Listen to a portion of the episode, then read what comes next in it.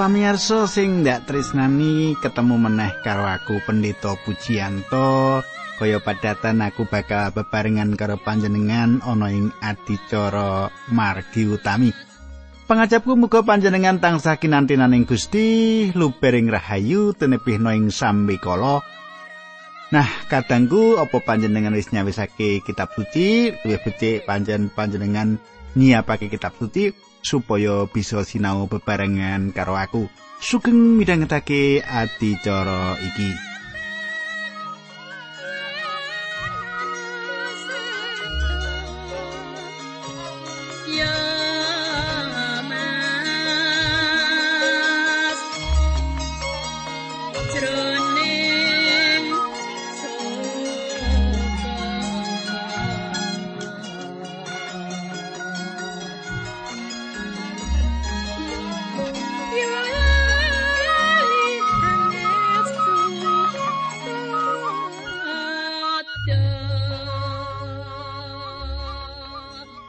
Kadangku kita pepanggian meneh ing adicara margi utami Andaran kepungkur kita wis sinau bab kahanan para murid Gusti Yesus sing durung siap ngadepi apa sing dingendikake Gusti Yesus yen panjenengane bakal sedo. Banjur kaya ngapa cerita banjure monggo kita ndedonga dhisik sadurunge nerusake adicara iki. Duh Gusti Allah ingkang dampar wonten kraton ing kasuwargan. Kawula ngaturaken gunging panuwun menawi wekdal menika saged tetunggilan malih kalian sederek-sederek kawula ingkang ngorong babagan kayektosan saking kitab suci menika. Kawula nyuwun ing adicara menika paduka tuntuni Gusti kanthi makaten kaluhuran lan kamulyan paduka saha kaluhuran paduka saged dimangetosi saking tindak patrap kawula.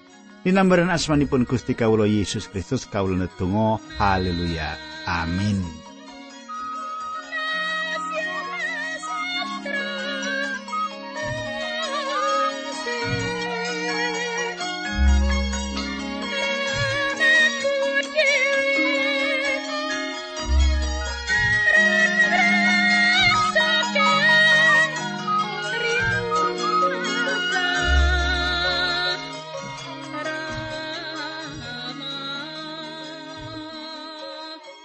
Katangku kita ngancik Injil Markus bab songo. Kita wiwiti maca ayat sing kapisanan. Mangkene surasane Gusti Yesus nglajengake ngandikane titenono. Ing antarane wong-wong sing ana ing kene ana sing bakal ora mati. Sadurunge padha ndeleng kratone Allah kebabar kanthi panguwasa Kadangku pangandikane Gusti Yesus ing ayat iki ditulis supaya apa? Supaya kita kabeh padha ngerti. Supaya kita kabeh padha ngerti Gusti kasalib utawa ora kasalib. Kratone swarga wis karegem, lestari ana ing astani. Bisa wae upamane Gusti Yesus ngersakake kundur sumengko menyang swarga maneh lan panguasani atas donya iki babar pisan ora waging sir. Pancen panjenengan iku Kang Maha Kuwasa. Ora ana panguwasa liyane sing bisa madani panjenengani, nanging yen panjenengani sumengko menyang swarga sadurunge nglampahi kasalib, kita para manungsa ora ana siji wae sing wilujeng. Kita manungsa siji wae ora ana sing wilujeng. Panjenengan uga aku lan kabeh wae manungsa ora ana sing wilujeng. Slamet rahayu. Kabeh kabubuh dening paukuman jalaran dosa. Saiki ayat loro tak wacake Markus 9 Nem dina sawise lelakon mau Gusti Yesus dawuh marang Rasul Petrus, Rasul Yohanes lan Rasul Yakobus sedulur kakang adi supaya padha nderek Gusti Yesus minggah ing gunung kang dhuwur ana ing kono ora ana wong liyane meneh. Para rasul mau padha weruh Gusti Yesus malih rupa dadi mencara. Mitraku, ana sing duwe panemu yen murid telu sing dikeparengake nderek Gusti Yesus iki mung sing pengpengan. Nanging manut panemu liyane murid-murid iki sing paling saking ing antarane para murid liyane. Petrus kandha yen wong telu iki dadi seksi keagungane Gusti Yesus. Prastawa iki mbuka pikirane para murid mau dadi cetha jelas yen ing besuke Gusti Yesus bakal kamulyakake kaya dene apa sing dideleng. Yohanes 1 ayat 14 ngendikake mangkene Sang Sabda wis dadi manungsa manggon awur karo kita, kita wis padha ndeleng kamulyane Sang Manungsa mau, ya kamulyan kang kaparingake marang putraning Allah Sang Rama, putra untang-anting, kamulyane Sang Putra mau mengkini. Lantaran Sang Putra mau Gusti Allah wis mratelake sarirane piyambak lan katresnane marang kita sak katoke. Mitraku, Sunar kamulyane Sang Kristus iku ora jalaran ana kekuatan utawa ana cahya sing asali saka njabane sarirane Sang Kristus. Kamulyan sing ditontonake sing diketokake sing diketingalake marang para murid iki minangka gegambarane raga sing wis kamulyakake. Manungsa sing sampurna dudu sifat kealahane Sang Kristus nanging sifat kamanungsane. dadi sunare cahya kamulyan mau saka sarirane pribadi Gusti Yesus. Saiki Markus ayat telu bab songo. Agemane dadi putih mengkilap sajagat iki ora ana wong sing bisa mutihake sandangan nganti kaya mengkono. Sumitraku ageman jubah Gusti Yesus dadi putih mengkilap. Luwih putih ketimbang putih sing wis ana. senadan ing tukang laundry utawa penatu ora bisa mutihake kaya iku kabeh mau jalaran saka sarirane Gusti piyambak Markus 9 ayat 4 Para rasul uga padha weruh Nabi Elia lan Nabi Musa ana ing kono lagi padha ngendikan karo Gusti Yesus. Nabi Elia dadi wakili para nabi. Nabi Musa makili para abdi ing jaman hukum Torat kabeh para abdine Allah ing jaman hukum Torat tumeka jamane Nabi Elia.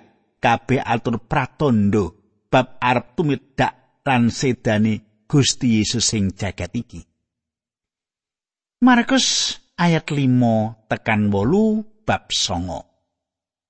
Rasul Petrus banjur matur marang Gusti Yesus, Gusti, Ibu sainipun menawi kita sami wonten ing ngriki, prayoganipun kawula sami ngedekaken tendo tiga wonten ing ngriki, setunggal kagem panjenengan, setunggal kagem Nabi Musa, setunggalipun malih kagem Nabi Elia. Enggone Rasul Petrus matur mengkono mau merga ora ngerti apa sing kudu dikandhakake sebab Rasul Petrus, Rasul Yohanes lan Rasul Yakobus kabeh padha wedi banget. Dumadakan ana mega ayang-ayangi nutupi wong kabeh mau tumuli ana swara saka ing sadroning miga tembungi. Iki putraku dewi sing ndak kasihi padha manuta sak perintahe Para rasul padha noleh ngiwonengen nanging ing kono wis ora ana wong liyane meneh kejaba mung Gusti Yesus piyambak sumitraku ukara mung Gusti Yesus piyambak iku dadi kabar mirunggan ing Injil Markus Malah ora mung ing kono nanging kudune terus dadi pocapan nganti jaman iki ing kalangane wong percaya nganti jaman iki. Markus 9 ayat 9. Sawise kuwi Gusti Yesus lan para rasul ni padha mudhun saka gunung mau. Sadurunge tindak Gusti Yesus meling marang para rasul mengkini, apa sing kok deleng iki mau aja kok kandhake marang sapa wae nganti putrane manungsa wungu saka ing sedo. Katenggu, panjenengan wis pirsa. Kamulyane Gusti Yesus Kristus. Ora ndadekake dalan keslametane manungsa. Ora ndadekake dalan keslametane manungsa Prastawa kaya ngono kuwi mung bisa dirasakake yen kita padha duweni pangerten sing jero ngenani sedo lan wungune Gusti Yesus saka antarane wong mati. Gusti Yesus tansah paring andaran anane teges sing nyawiji antarane sedo sinalip lan wungu saka antarane wong mati. Markus 9 ayat 10 mengkini surasani. Wong telu mau padha netepi sak piwilingi Gusti Yesus nanging padha rasanan dewi. apa kersane Gusti Yesus kok ngendika bab wungu saka sedo. Katengku Wah, jebule para murid iki padha ora ngerti. Bab wungune Gusti Yesus saka antarane wong mati ora mudeng-mudeng. Nalika padha mlayu menyang kuburan, pengarep-arepe ora kok kepengin ketemu karo Gusti Yesus sing wis wungu saka antarane wong mati. Saiki ayat 11. Mulane para rasul banjur padha nyuwun pirsa marang Gusti Yesus. Menapa sebabipun kok para ahli Taurat sami triyos bilih Nabi Elia badhe rawuh rumiyin? Ayat 13 nganti 13. Gusti Yesus ngendika, "Yo pancen Nabi Elia teka dhisik supaya nyawisake samubarang kabeh, nanging kepriye mungguh putrane manungsa?" Apa sebabe dene ing kitab suci ditulis yen putrane manungsa kudu nandang sangsara akeh lan disawiyah-wiyah? elinga. Nabi Elia pancen wis rawuh nanging wong-wong padha tumindak sawenang-wenang marang panjenengani. Kuwi cocok karo sing wis ditulis ing kitab suci. Katanggu Gusti Yesus ngendika yen Yohanes Pembaptis wis tedhak ing donya iki ana kanthi roe Nabi Elia. Yen para murid wis padha percaya marang Gusti Yesus kanthi golong atine tekani Yohanes mbok menawa wis dadi jawabane pameco mau nanging gandeng padha durung padha percaya yen Gusti Yesus iku Mesias ing rawe sing sepisan iki mulane pameco yen Nabi Elia sing bakal dadi cucuk laku bakal diganti rawe Gusti Yesus sing kaping pindho Saiki Markus 9 ayat 14 nganti 17 tak wacake. Nalika Gusti Yesus Rasul Petrus, Rasul Yohanes lan Rasul Yakobus padha bali meneh ing panggonane para murid sing katilar, wong akeh lagi padha nglumpuk ing kono. Ing antarané uga ana para ahli Taurat sawetara wong-wong mau lagi padha debaten karo murid Gusti Yesus. Bareng wong akeh mau padha weruh Gusti Yesus rawuh padha bungah, banjur ingga-ingga padha mbagekake panjenengani. Gusti Yesus banjur ndangu marang para murid apa sing lagi kok rembuk karo para ahli Taurat kuwi. Wangsulane wong sing ana ing kono guru. Kula badhe nyowanaken anak kula wonten ing ngarsa panjenengan. Lare menika kepanjingan demit ngantos bisu. Semangsa demit wau misakit larinipun dipun banting ing siti cangkemipun lajeng muruh untunipun kerot-kerot lan badanipun sakujur lajeng kaken. Kula sampun do tulung dateng para murid panjenengan supados tundung demitipun nanging sami mboten saged Katengku. Bocah sing dirasuk demit iki gambarane donya jaman iki. Nalika bocah sing dirasuk demit iki digawa sowan marang Gusti Yesus Kristus murid-murid Gusti Yesus malah mung bengong ora bisa tumindak apa-apa. Kaya anane gereja ing sawetara panggonan padha ora duwe kekuatan apa-apa kanggo jawab kabutuhane donya iki. Kabutuhan kepriye supaya donya iki ora musna ing duraka lan dosa nanging rahajeng jalaran wilujeng. Organisasi Kristen, gereja-gereja padha nglokro nggone arep lados jalaran jagat iki terus nuntut supaya gereja lan lembaga Kristen padha sengkut nggarap masalah sosial. Kudune kita para wong pracaya gereja lembaga Kristen nindakake peladusan-peladusan senadan cilik tebani nanging bisa dadi kuncine wong-wong ing kono padha ngerti yen sing kita tindakake iku minangkani ajarane Gusti Yesus. Tresno marang sapadha-padha kaya bocah sing kesurupan demit iku banjur padha ngerti sapa to juru wilujeng sing sejati iku eman. Dene kita para wong percaya sing padha dadi anggotane gereja ora akeh sing duweni krentek peladosan iki. Nah, Saiki tekan ayat 19 tak wacake nganti teka 22. Mengkene surasane. Gusti Yesus banjur ngendika, "Wah, pancen kebangetan kowe kuwi. Kok padha ora percaya temen nganti pira suwene aku kudu isih ana ing antaramu?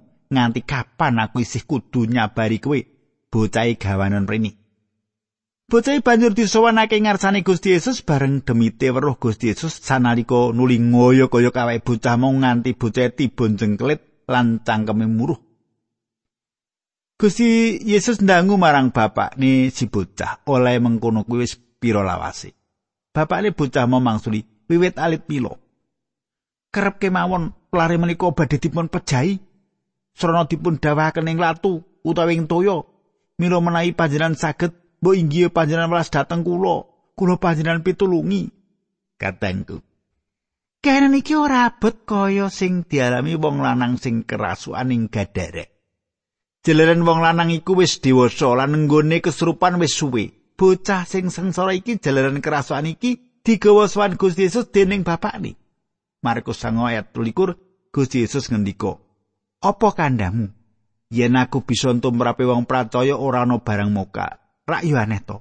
Bapakne bocah iki durung percaya temenan marang Gusti Yesus Mula Gusti banjur ngendika marang wong mau ayat 24. Sanalika bapakne bocah mau matur marang Gusti Yesus, "Gusti, kawula pitados. Mugi Gusti mitulungi lan ngiyataken pitados kawula." Kadangku panjenengan pirsa nyatane wong iku lagi nyuwun marang Gusti Yesus supaya kaparingan ati sing pracaya lan sumarah. Ayat selawi 6 nganti ayat 31 tak waca iki. Bareng Gusti Yesus mirsa yen wonge sing rubung saya akeh demite banjur ditundung. He, demit sing gawe budhek lan bisune bocah iki metuwa aja bali meneh. Demit mau banjur njerit seru banget bocah digawe ngececeng-ngececeng banjur metu saka bocah mau. Bocahe kaya mati nganti kabeh padha ngarani yen bocah wis mati. Gusti Yesus banjur ngasto tangane bocah mau nuli diadekake bocahe banjur ngadek Sawise Gusti Yesus tekan pondokan, para murid banjur padha nyuwun pirsa. Sebab menapa kula kok sami mboten saged nundung demit menika? Gusti Yesus ngendika, demit bangsane iki ora kena ditundung kejaba mung srana pandonga. Gusti Yesus lan para rasul banjur padha nilar omah kono nerusake tindak ing liwati tanah Galilea. Kersane supaya aja nganti ana wong sing ngerti yen panjenengane ing wektu kuwi ana ing panggonan kono.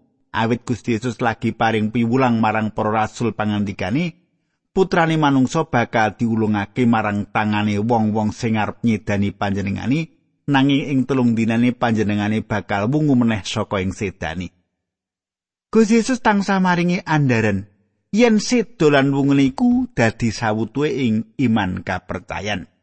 Markus 9 ayat 32 Para rasul padha ora nyandak karo dawuh Gusti Yesus mau nanging padha ora wani matur marang panjenengani. Kadangku, para murid durung ngerti, durung paham bab wungune Gusti Yesus saka antarané wong mati. Ing kene Gusti Yesus lagi paring pangandika bab sedani. Iki wis bola bali dingendikake. Nanging dasar rada cubluk, para pandhere iki durung mudeng terus. Markus ayat telung puluh telu nganti patang puluh loro. Mengkene surasani Gusti Yesus lan para rasul tindake wis tekan kutha Kapernaum ana ing pondokan Gusti Yesus ndangu para rasul. Ana ing dalan mau kue padha rembugan bab opo nanging para rasul mau ora ana sing mangsuli sebab padha rebut unggul bab sapa sing pinunjul dewi ing antarane wong sak kanca kuwi Gusti Yesus nuli lenggah sarta nimbali para rasul rolas dipangandikani. Sopo sing kepingin dadi pengarep, kuwi kudu dadi bature wong akeh. Katengku, apa sing dingendikake Gusti Yesus iki sawijining dasar kasukman ngenani apa iku kamulyan. Ayat 36. Gusti Yesus banjur nimbali bocah cilik sing didhawuhi ngadeg ana ing ngarepe para murid kabeh. Gusti Yesus ngrangkul bocah mau banjur ngendika. Sopo sing nampani bocah sing mengkene iki atas jenengku? Kuwi aku sing ditampani. Lan sing sapa nampani aku, kuwi dudu mung aku wae sing ditampani, nanging uga Gusti Allah sing ngutus aku. Kadangku panjenengan pirsani, Gusti Yesus nggendong lan ngekep bocah-bocah. Gusti lagi nedahake dasar rohani sing bener, kaya dene tumanggape bocah-bocah marang Gustine. Terusi Rasul Yohanes matur guru, kula sami sumerep wonten tiang ingkang nundung demit mawi nyebut asma panjenengan. Tiang wala jeng sami kula awisi, awit piyambakipun sanes saking golongan kita. Gusti Yesus ngendika, "Aja kok penging. Awit yen ana wong gawe mukjizat nganggo nyebut jenengku, kuwi mesti ora bakal tumuli ngololo aku." Sapa sing ora nglawan kita kuwi nyarujuki. Ngandelo wong sing menehi kowe ngombe mergo nggonmu dadi murid Sang Kristus wong kuwi mesti bakal tampa ganjaran saka Gusti Allah. Kadangku Gusti Yesus nyentulo marang cara mikir sing ciut dasar lan nyawijine langkah kanggo para wong percaya kanthi nyebut ing asmane Gusti Yesus. Apa sing ditindakake kanthi nyebut ing asmane Gusti Yesus ora bisa ditolak dening sapa wae sing ngaku dadi murid Sang Kristus. Ayat patang loro. Gusti Yesus paring piwulang marang para rasul mengkene wong sing dadi jalaran wong cilik sing padha percaya marang aku nganti nyingkur aku wong kuwi luwih becik dibandulono watu sing gedhe banjur dicemplungake ing segara. Ayat 43. Menawa tanganmu dadi jalaran kowe nglakoni dosa ketokon wae. Awit luwih becik kowe ngalami urip langgeng kanthi tangan siji tinimbang tanganmu genep loro nanging kowe mlebu neraka sing genine ora bakal sirep. Kadangku ing kene Gusti Yesus ngendikake bab neraka. Rasul Paulus ora tau ngepok singgol bab iki nanging Gusti Yesus paring keterangan bab neraka iki ayo padha dirungokake apa sing dingendikake dening Gusti Yesus neraka sawijining papan iki sing arep dingendikake. Markus 9 ayat 44 nganti ayat 50 mangkene surasani. Ing neraka singgate ora mati lan genine ora sirep. Menawa sikil munjalari kowe gawe dosa luwih becik ketokan wae, awet luwih becik kowe urip kanthi sikil siji tinimbang sikilmu genep loro nanging mlebu neraka. Neraka kuwi singgate ora mati lan genine ora sirep.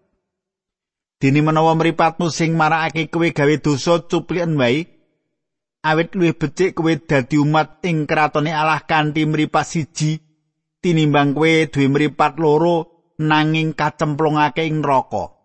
Kadangku pancen mripat kita bisa nggeret kita mlebu ing jirete dosa. Saiki tak terus ayat 49. Saben wong kudu nglakoni pendadaran supaya percayane ora luntur. Srana pengalaman sing mengkono kuwi wong mau persasat diuyahi supaya awet. Uyah kuwi gedhe paedahe nanging menawa wis ilang asine, nggonmu mulihake asine kepriye? Kowe padha dadi wong sing persasat wis diuyahi lan padha ripo bebarengan kanthi rukun.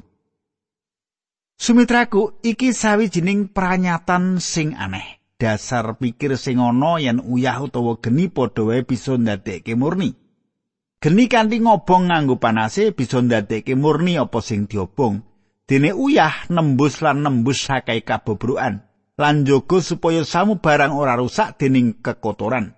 Yen kita nduweni kekuatan sabdane Gusti sing bisa ngresiki kaya dene uyah, kita bakal disucikake lan bisa nggayuh urip sing kebak ing karahayon. Sumitraku, giaran ndak punggel semene dhisik ing pangajab panjenengan nampa berkah rohani monggo kita tutup kanthi pandonga. Duh Kanjeng Rama ing swarga, kawula ngaturaken gunging panuwun menawi wekdal menika kawula saged ngraosaken pangandikan paduka. Kawula nyuwun Gusti mitulungi kawula wonten ing gesang menika supados kawula tetep tetelo dados murid paduka. Dinambaran asmanipun Gusti kawula Yesus Kristus kawula tunggu. Haleluya. Amin.